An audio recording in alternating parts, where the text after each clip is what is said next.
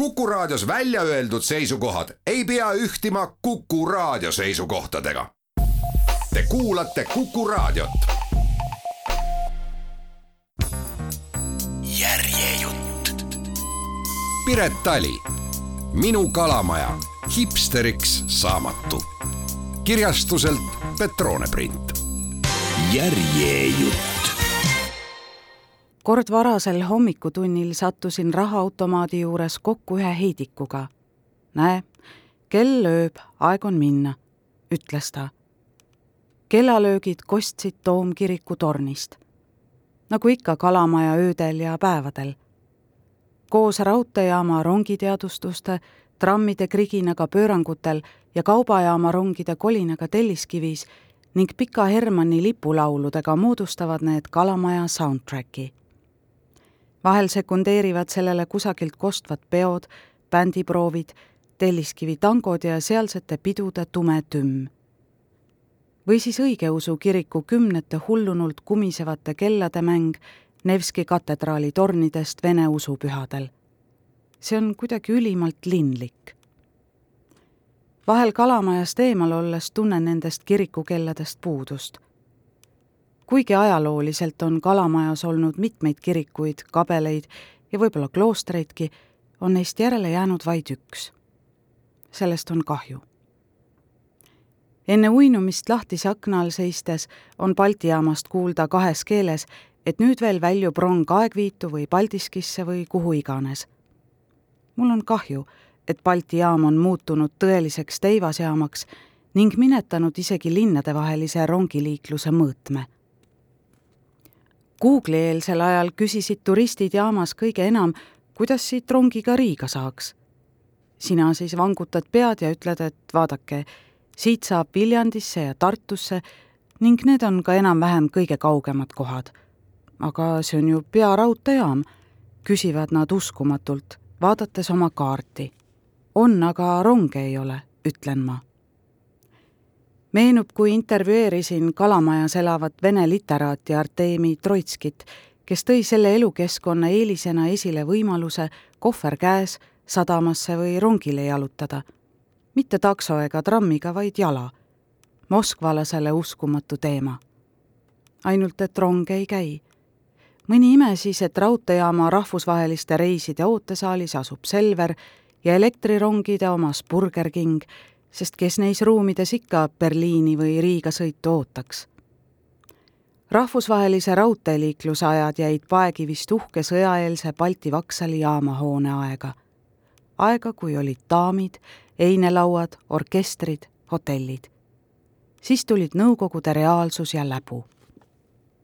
praegune reaalsus on pigem melanhoolia, oranžide partsi porganditeks kutsutud elektrirongidega eriti markantsed olid vastandid siis, kui mõned aastad tagasi endises elektrirongide ootesaalis korraldati glamuurseid vastuvõtte, kus õhturiietuses inimesed klaasist kuudis kandelaabrite valguses pokaale kõlistasid.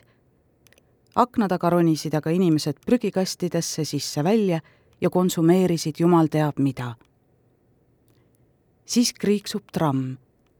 merelt kostab udustel hommikutel üle linna udupasuna hääl vahel laulavad linnud. üle linna kostab Gustav Ernesaksa Mu isamaa on minu arm viimane salm, mis saadab Eesti lipu unele. Eesti hümni satub hommikul kuulama vaid talvel või siis suvel, kui pole veel magama läinud. taban end tihti koduaknast Hermanni torni suunas vaatamas, nagu tahaks kontrollida, kas meie trikoloor on ikka torni tipus ma ei tea, millest see ebateadlik valvelolek ja kontrollivajadus tuleb. küllap teadmisest, et alati pole trikoloor seal lehvinud. meil kodus olid näiteks Norma kollased linnavaadetega sotsrealistlikud kuivainepurgid, mille esiküljel oli pikk Herman punalipuga, teisel küljel Estonia teater võimalik, et see punalipuga pilt on mulle niivõrd mällu sööbinud, et üritan meie haprale vabadusele iga päev sinimustvalget silmitsedes kinnitust saada. jah, lipp on vardas, kõik on korras. nagu loeks ilmateadet. linn ei vaiki kunagi, eriti Kalamaja. kuna korterites enam ei suitsetata, kulgevad peod öösiti majade ette tänavatele. nii kostab sealt naeru, hääli, juttu. Imelikel aegadel hakkavad tööle puurid, haamrid ja trellid. Nende helide järgi otsustades peaksid seinad ammu juba juustu moodi auklikud olema mulle tundub, et koroonaaja noorus hipistub vaikselt end järjekindlalt. kui kohvikud suletakse, sobivad suvalised trepid ja aknalauad ning kõnniteed mahaistumiseks ja tšillimiseks. see kostab ka Kalamaja häältes. Päikesetõusudel võtavad linnaorkestri häälerühmas kohad sisse kajakad. muist neist suured kui põrsad, kes patseerivad ülbelt tänavatel, sorides eelmise õhtu jäätmetes teised paterdavad mu pea kohal plekkkatusel, nagu polkad tantsivad täisvarustuses tuukrid. ikka ja jälle toidab neid aknast mõni vanainimene ja nad vahivad laternaposti otsas näljase näoga ning märgistavad sinu auto suurte eksklusiivsete kalamajalike kaubamärkidega. öösel koju jalutades satud ikka ja jälle telliskivist tõkkepuu taha kümned kütused, tsisternid ja puiduvagunid loksuvad aeglasel sammul edasi ja siis tagasi. sina seisad ja mõtled, et kui kütuserong plahvataks, siis mis jääks sellest linnaosast järele? selline väike eksistentsiaalne kesköine mõte, et siis jätkata taas oma teekonda. Need hommikused kajakate tuukrilestade paterdused plekkkatusel järevaks tegevad kriisked ei lase hetkekski unustada, et elad mere ääres ehkki kajakatest on saanud linnalinnud, kes eelistavad pesa teha katusele, kerjata almuseid akendel passivatelt vanamuttidelt ning süüa prügikastist. Vastasmaja katusele korstna kõrvale tuli igal kevadel kajakapaar pesa tegema. miski eriline vabaduse tunne oli neis kahes kajakas, kes kordamööda korstna otsas istudes kaugele merele vaatasid. ükskõik, kas oli torm või lörts, kajakad olid ikka kohal pilk suunatud kaugusesse tormistele merevoogudele ja sinavatele randadele.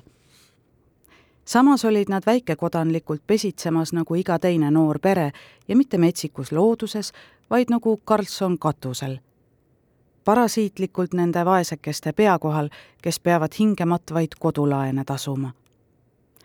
sooja korstna kõrval pesas sirgusid pojad, kes siis ema valvsa pilgu all mööda katust paterdasid kui Pjotor Tšaikovski oleks elanud Kalamajas, oleks ta kindlasti mõned Luikede järve võitluslikumad ja jõulisemad stseenid kirjutanud ümber kajakatele ja varestele.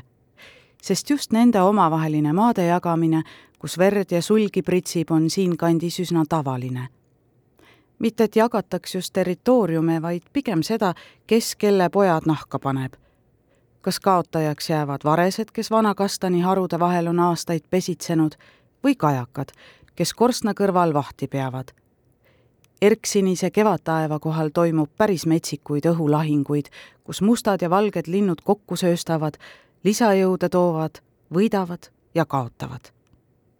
Muidugi ei maksa unustada inimesi. Öeldagu kogukondlikkuse ja rohelise mõtteviisi kohta mida tahes, paljude inimeste jaoks on see NIMBY ehk Not in my backyard teema parem kui sisehoovidest kaoksid lehti pilduvad puud. seal oleksid kivisillutis, kontrollitud loomad ja lapsed ning võimalikult vähe arusaamatut metsikut floorat ning faunat. võib-olla siiski lapike hästi kultiveeritud muru.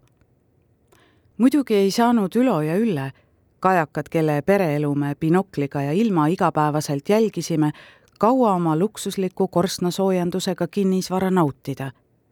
ega ka nende kaks poega kellest suuremat nimetasime lihtsalt paks ja väiksemat pisike. see oli uskumatu, milliseid kaelamurdvaid manöövreid nad suutsid katusel ja karniisidel sooritada ilma alla kukkumata. ühel päeval prahvatas vimm, mis kogunenud, ja katusele ilmus mees, inimene, looduse kroon ta oli varustatud mopi ja muude varrega vahenditega ning täis otsustavust kogu see korralagedus likvideerida Need sittoksad ja sulepuru on mõistagi häirivad. vapper kamikaatse oli kui Melker Melkerson soolavaraselt, kes ahjuroobiga läks korstnast oletatavat öökulli välja kangutama. Ülo ja Ülle ei tahtnud mõistagi sel taevani karjuval ebaõiglusel sündida lasta ning tiirlesid oma poegi ja kodu kaitstes surmapõlgliku inimese pea kohal. pesa, sitt ja sulepuru peksti laiali. pisike ja paks varjusid. tundus, et esimene lahing lõppes inimese kasuks, aga ei. järgmisel päeval, kui ma akna ette astusin, toimetasid Ülo ja Ülle vilkalt korstna kõrval. Neil oli uus pesa püsti ning sai viimast lihvi tundus, et ka pisike ja paks paterdasid seal tähtsalt ringi. vähemalt pisike. inimene ei saanud sel mõistagi sündida lasta. mopid ja muu varrega sõjavarustus jäeti kõrvale ning seekord ilmus katusele motoriseeritud tõstukite ja kiivritega kiirreageerimisüksus, kes pidas lühikese võiduka lahingu, mille käigus eemaldati kogu pesamaterjal, puhastati katus ning taastati kord vahel näen praegugi vastasmaja korstna otsas istumas kajakaid, pilk kaugusesse suunatud. mõtlen, kas mõni neist võiks olla Ülo või Ülle. on nad veel paar? kuhu nad uue kodu rajasid? muidugi on minu ornitoloogilised vaatlused pisut silmakirjalikud, sest oma katusel, mis on pisut värskem, oleme me võimalikud kajakate kinnisvaraprojektid suutnud eos lämmatada ja kui sulle rõduserval jõllitab vastu kurjade silmade ja kõvera nokaga lind, tärkab sinuski hirmunud tsiviilisik, kes tahaks korda ja üks-üks kahte helistada. olgu loodus aga mitte väga lähedal, eks? mitte nagu need kajakapõrsad, kes pooleldi sulgimata ja lennuvõimetuna akende all muttidelt toitu norivad.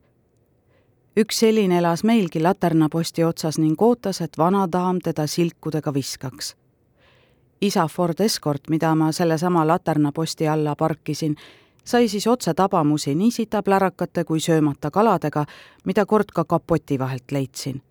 aga ikkagi kalamaja, tühja neist poolseeditud räimedest. kord üritab Eesti Päevalehes arvamustoimetaja tellida minult artiklit hipsteritest, et no sa elad seal kalamajas ja ilmselt oled ise ka hipster aasta võib olla siis kaks tuhat neli või kaks tuhat kuus.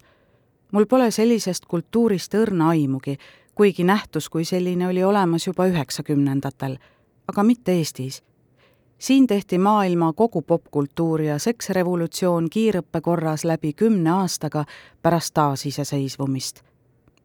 ma ei tea ka nüüdisajal tegelikult kedagi, kes end ise hipsteriks tituleeriks pigem on saanud sellest sõna, millel on halvustav mitte kangelaslik või uhkust tundma panev kõrvalmaik. kui varem tõmbas väikekodanlane joone maha, öeldes, et ah, see või teine on ju hipi või boheemlane, andes märku, et tegu on ohmu lillelapsega, siis nüüd sobib selleks jooneks ka sõna hipster tegelikult on ju viiekümnendate sõjajärgsest vaesusest ja reglementeeritusest välja kasvanud kuuekümnendate lillelastest hippides ja üheksakümnendate ning nullindate hipsterites küllalt palju ühiseid jooni. Nad tegid endile elamiseks reeglid, mis olid maale lähemal ja ühiskondlikule korrale vastuvoolu olen elus mõnedki korrad sattunud Kopenhaageni vabalinna Kristjaaniasse, mille hipid vallutasid pärast Woodstocki tuhande üheksasaja seitsmekümne esimesel aastal. olen seal istunud samanimeliste jalgrataste töökojas, mille hoone on äravahetamiseni sarnane F-hoonega Telliskivi kandis. Tõsi, seal on tegu endiste militaarhoonete, mitte Nõukogude tööstusega, aga ega neil suurt vahet pole samas neid Kristjaani ja Paikile üsna sarnaseid rattaid, mille kastis saab lapsi või kaupu vedada, kohtab järjest enam ka Kalamajas.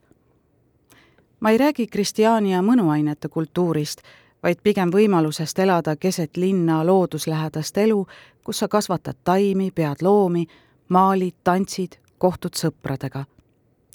Kui üheksakümnendatel Pärnu dokfilmide festivalil ühe sealse perega kohtusin, tundus see ülimalt lahe kui üheksakümnendatest ei nõudnud loomemajandus enam kontorites kössitamist, saab see ju sündida ka vähe lihtsamate vahendite ehk arvuti abiga, siis võis iga filmimees, kirjanik, lavastaja, disainer ja kunstnik elada oma stuudiopinnal ning olla ise oma aja ja firma peremees. ma ei tea, palju on praegu Kalamajas loovaid natuure, aga on olnud aegu, kui neid leidub igas tänavas mitte et just igast aknast peaks voogama kanepisuitsu ja kostma ukuleele plõnnimist, aga kui näed kodukoha toidupoes, kõrtsides või turul filmiprodutsente ja muusikuid, siis tead, et midagi luuakse ja just siinsamas. kohtad indimuusikuid ja ökonatse, kes söövad porgandilõhet sinuga samas puhvetis. näed parmupillimängijaid ja visionääre. Nad sõidavad jalgrattaga, arendavad oma toidukultuuri, loovad maale ja juurutavad uusi teenuseid. Nende kontorid on jalutuskäigu kaugusel kodust. sageli neil polegi autot ma ei tea, kas nad ka minust samamoodi mõtlevad, kui ma neile iga päev vastu tulen. vaesed idealistid omakorda annavad teed oma linnaosas kõrgemale keskklassile, kelle boheemlus on vaid pelgalt elustiililine. Nad on pigem tippvalgekraed, kõrgemad ametnikud, keskastme juhid, promootorid ja nii edasi. mitte loomemajandus ise, vaid selle jäämäe veealune osa, tehniline ja rahakam Nende põhiline eesmärk on ikkagi kuulsad naabrid, parimad mugavused, kõrged laed, väärt kaubamärgid, tarbimine ja show-off.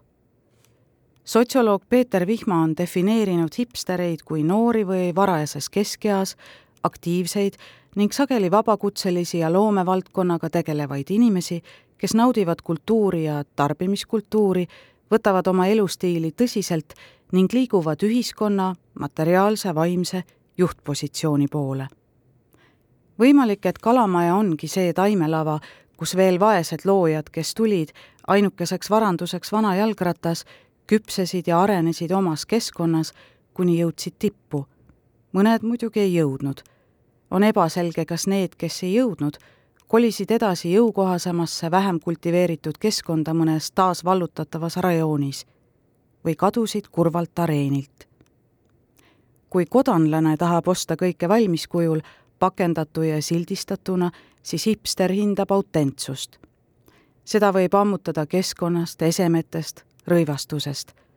isegi jalgratas, millega siinkandis sõita, ei saa olla liiga uus või liiga modernne. Oh, selle ma sain Sekkarist, sobib öelda ühe või teise eseme kohta miks muidu olid Topsi kõrtsis vana vinüülimängija ja nõukaaegne laste pedaalauto rääkimata sellest, et pooled kohvikud nägid välja nagu hiljuti surnud vanaproua garaažimüük. seda nii nõude kui mööbli poolest. toit oli õnneks maitsev. kui aga näed Telliskivi toidupoe trepil istumas kahte õlist jorssi, on juba võimatu vahet teha, kumb neist on hipster ja kumb autentne joodik. ilmselt on hipsteril värvilised tätoveeringud ja vaevalt, et ta joob liitrist Valterit, vaid hoopis käsitööõlut, aga muidu pole vahet miskit riiete puhul on võimatu aru saada, mis on autentne kaltsaklus ja mis seda markeeriv vintage või bränd. vaat see on kogukondlikkus. kohtan Depot Toidu tänaval silti. Hipsterid vedage siit minema oma karvased lõuad ja värvilised sokid, siin süüakse liha. ilmselgelt on hipster selles käsitluses isane. aga kuidas nad siis paljunevad? või on emast hipsterit palju keerulisem ära tunda, sest ta haudub pesal ja on kaitsevärvi. linna kõige suuremad puudused on anonüümsus ja üksindus. kes meist ei tahaks kuhugi kuuluda, elada linnas nagu maal, olla hoitud, tuttav ja oma. seetõttu kogunevad kogukondlikkuse pooldajad sageli samadesse linnaosadesse. olgu need Kalamaja, Uus Maailm, Professorite küla, Kadriorg mõned kirjutavad asumi nime oma pluusiesisele, et miski segi ei läheks. hea naaber on su ihule sageli lähem kui sugulane või sõber. ta elab su seina taga ning temast on vajadusel nii hääd, aga võib-olla ka häbi, nagu laulusalm ütleb. kui Kalamaja uuselamutes on inimesed nagu üksteise kloonid nii laste, koerte kui töökohtade poolest, siis vanades majades see nii pole.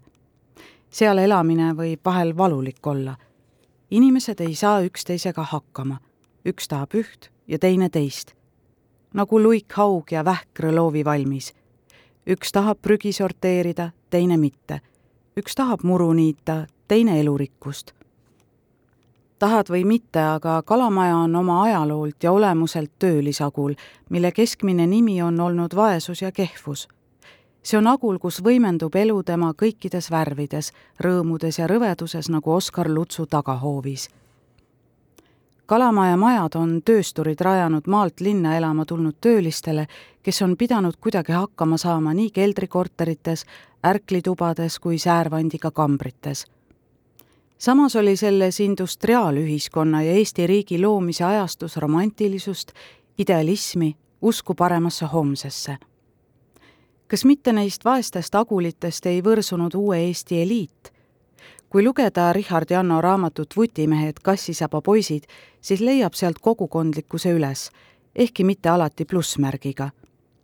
või Elsi Järvi mälestustest, kuidas vabrikutööliste elamus koguneti õhtuti pinkidele koos pillidega, et koos laulda, või käidi üksteist sünnipäevadel lauluga äratamas Agulis pole uhkust, esinduslikkust, rahavõimu tunnet. siin on prevaleerinud kasinus ja nappus, mis on loomulikule elule palju lähemal kui näiteks jõukas kesklinna piirkonnas, kirjutab Tõnu Laigu ajakirjas Maja. pealegi on Aguli majade tagahoovides piisav annus loodust, mis annab võimaluse ühiselt tegutsemisele. Ma pole kuulnud midagi Mustamäe või Õismäe päevadest Lasnamäe päevad ilmselt toimuvad linna rahastamisel, mitte kogukonna initsiatiivil. küll aga on päevad Kalamajal, Pelgulinnal, Kadriorul. tahtmine kokku tulla ning avada oma aed ja hoov. kalamaja on kui kimäär oma eri tüüpi hoonetega. tsaariaegsetes Lenderi tüüpi majades, kus on väikesed korterid, on ühiselu juba elamisse sisse kirjutatud Lender esimese Eesti soost Tallinna linnapeana pidi tagama tööstusele vajaliku hulga tööliselamute ehitamise, sest ta juhtis ka ehitusosakonda. seda tüüpi hooneid on üle Tallinna tuhatkond. kalamajas asuvad need Vabriku, Tööstuse ja Küti tänava kandis.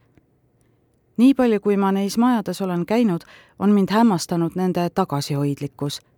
sageli on need olnud kahe- või ühetoalised avatud köögiga, puupliidi ja ahjuküttega korterid, kus pole ajalooliselt ei pesu ega tualettruumi.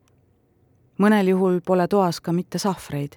Need on külmades koridorides ning suurte tabalukkudega kaitstud. nagu ka väsinud ilmega postkastid.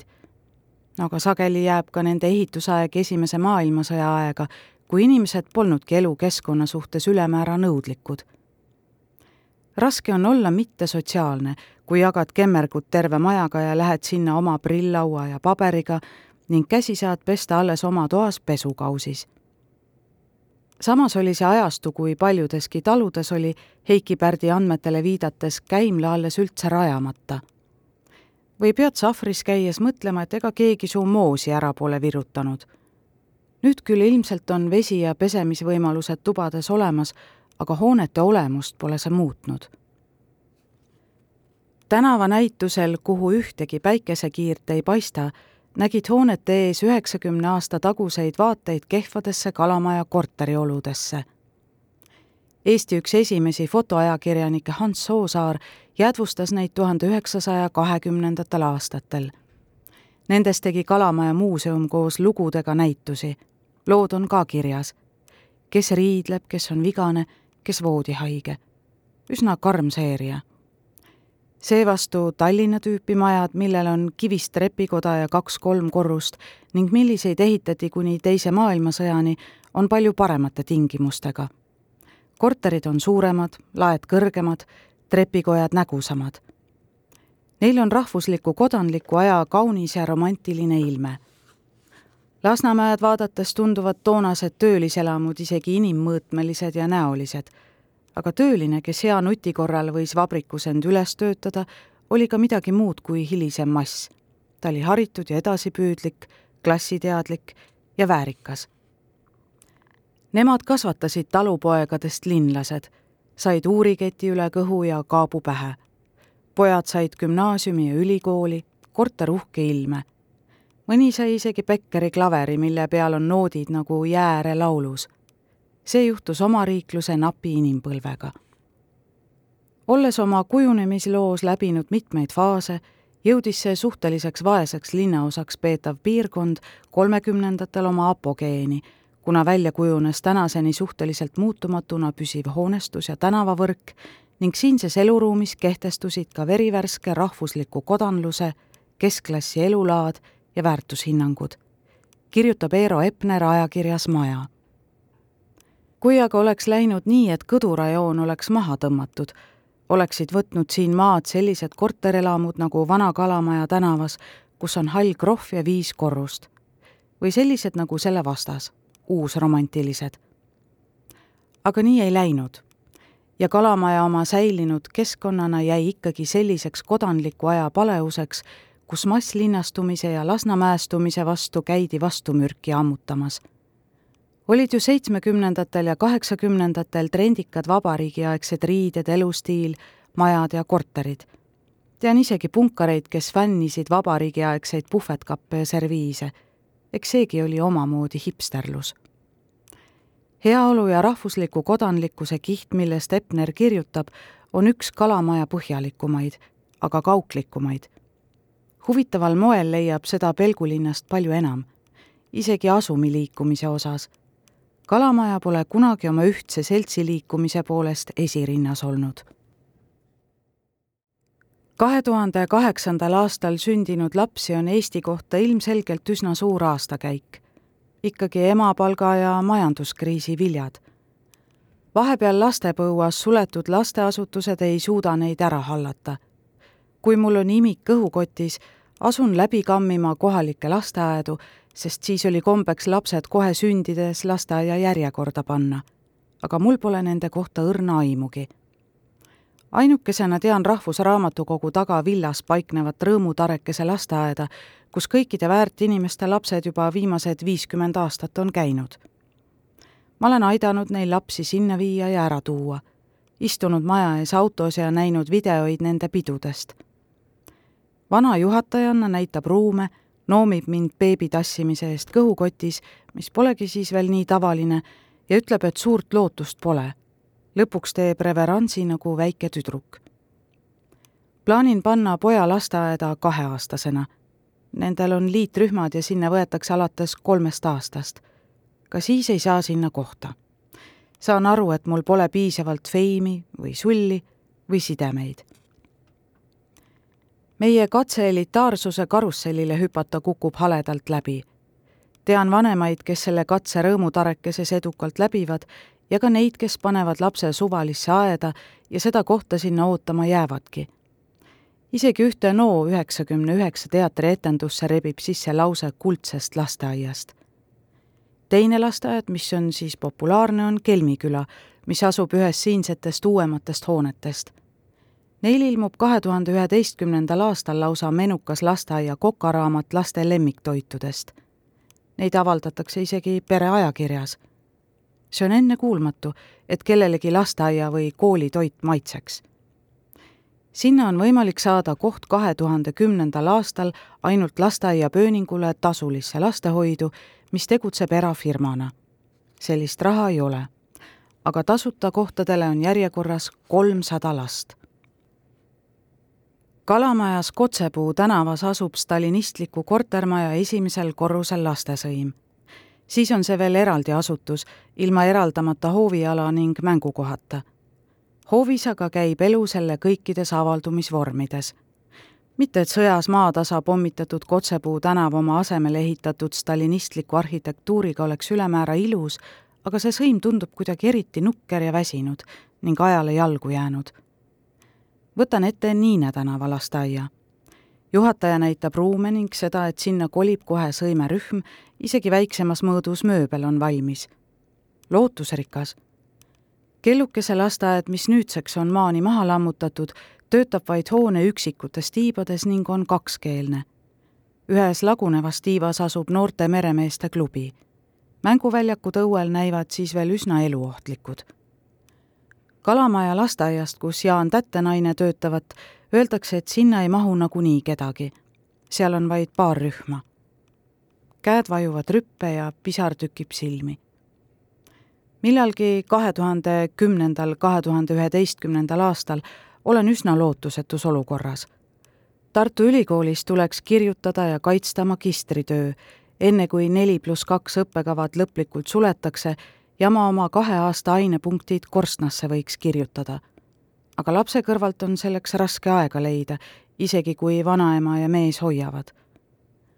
ootamatult selgub, et Kolda tänaval Pelgulinnas saab poeg siiski lasteaiakoha. siis on see lasteaed veel remondieelne. keldris olla vamm ja ruumid on väsinud. selle lasteaia vanust arvestatakse tuhande üheksasaja kahekümne kaheksandast aastast, kui see vanas koolimajas Telliskivi tänavas avati. siis pakkus see päevakodu hoidu viiekümnele, kuuekümnele lapsele, neil oli isegi lehm hiljem kolib lasteaed Timuti tänava nurgale, kus pommitades on plats tühjaks jäänud. tuhande üheksasaja viiekümne neljandal aastal valmib sinna uus maja saja kahekümne viiele lapsele. mõistagi on need ruumid uueks sajandiks väsinud. ka on teine laps oma tulekust märku andnud ning lasteaiaga harjutamise aja veedan vaheldumisi esimese korruse kempsu söökides ja huvijuhiruumis või saalis klaveri peal magistritööd kirjutades selliseid kasvatajaid nagu suvel asendusperioodil pole ma hullemateski unedes näinud.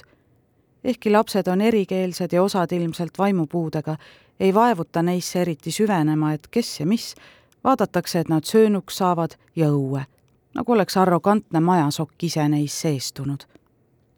Kas teil mees on? küsib üks neist memmedest esimesel päeval paugust. mõtlen, et huvitav, kuidas ma selle lapse siis sain ja mis see tema asi on juhul kui ma just neitsi Maarja pole ega pühast vaimust käima peale ei jäänud. kas tal akutrell on? on järgmine küsimus. jah, aga mitte iga päev kaasas, ta töötab kontoris, vastan. Eks vanakooli naiste jaoks ongi mehe mõõdukus kruvikeeraja ja kuldsed käed. meil on aialipp lahti ja majahoidjat enam pole, kas ta võiks selle ära parandada? ütleb üks kasvataja õhtul, kui mees tuleb, selgub, et tööriistu ei ole ja ta lööb munakiviga selle aialipi kinni. nagu mina seda poleks teha võinud, munakiviga. järjejutt. Piret Tali, Minu kalamaja, hipsteriks saamatu. kirjastuselt Petrone print. järjejutt